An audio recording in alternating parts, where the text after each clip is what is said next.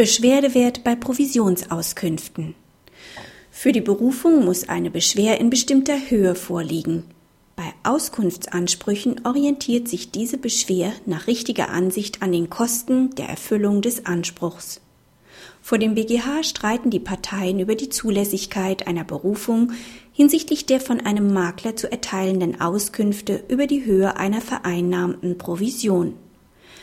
Der BGH geht davon aus, dass eine Berufung nicht zulässig ist, weil der Beschwerdewert von mehr als 600 Euro nicht erreicht wird.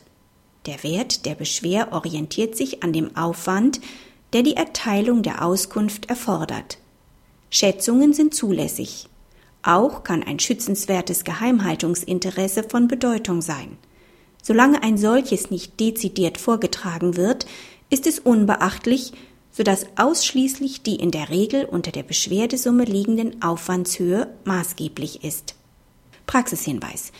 Die Entscheidung folgt letztlich der herrschenden Meinung, die davon ausgeht, dass sich der Beschwerdewert bei Auskünften an den Erstellungskosten orientiert.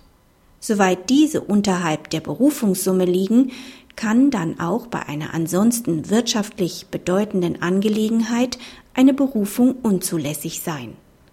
Ein Geheimhaltungsinteresse an wirtschaftlichen Daten kann zwar den Beschwerdewert erhöhen.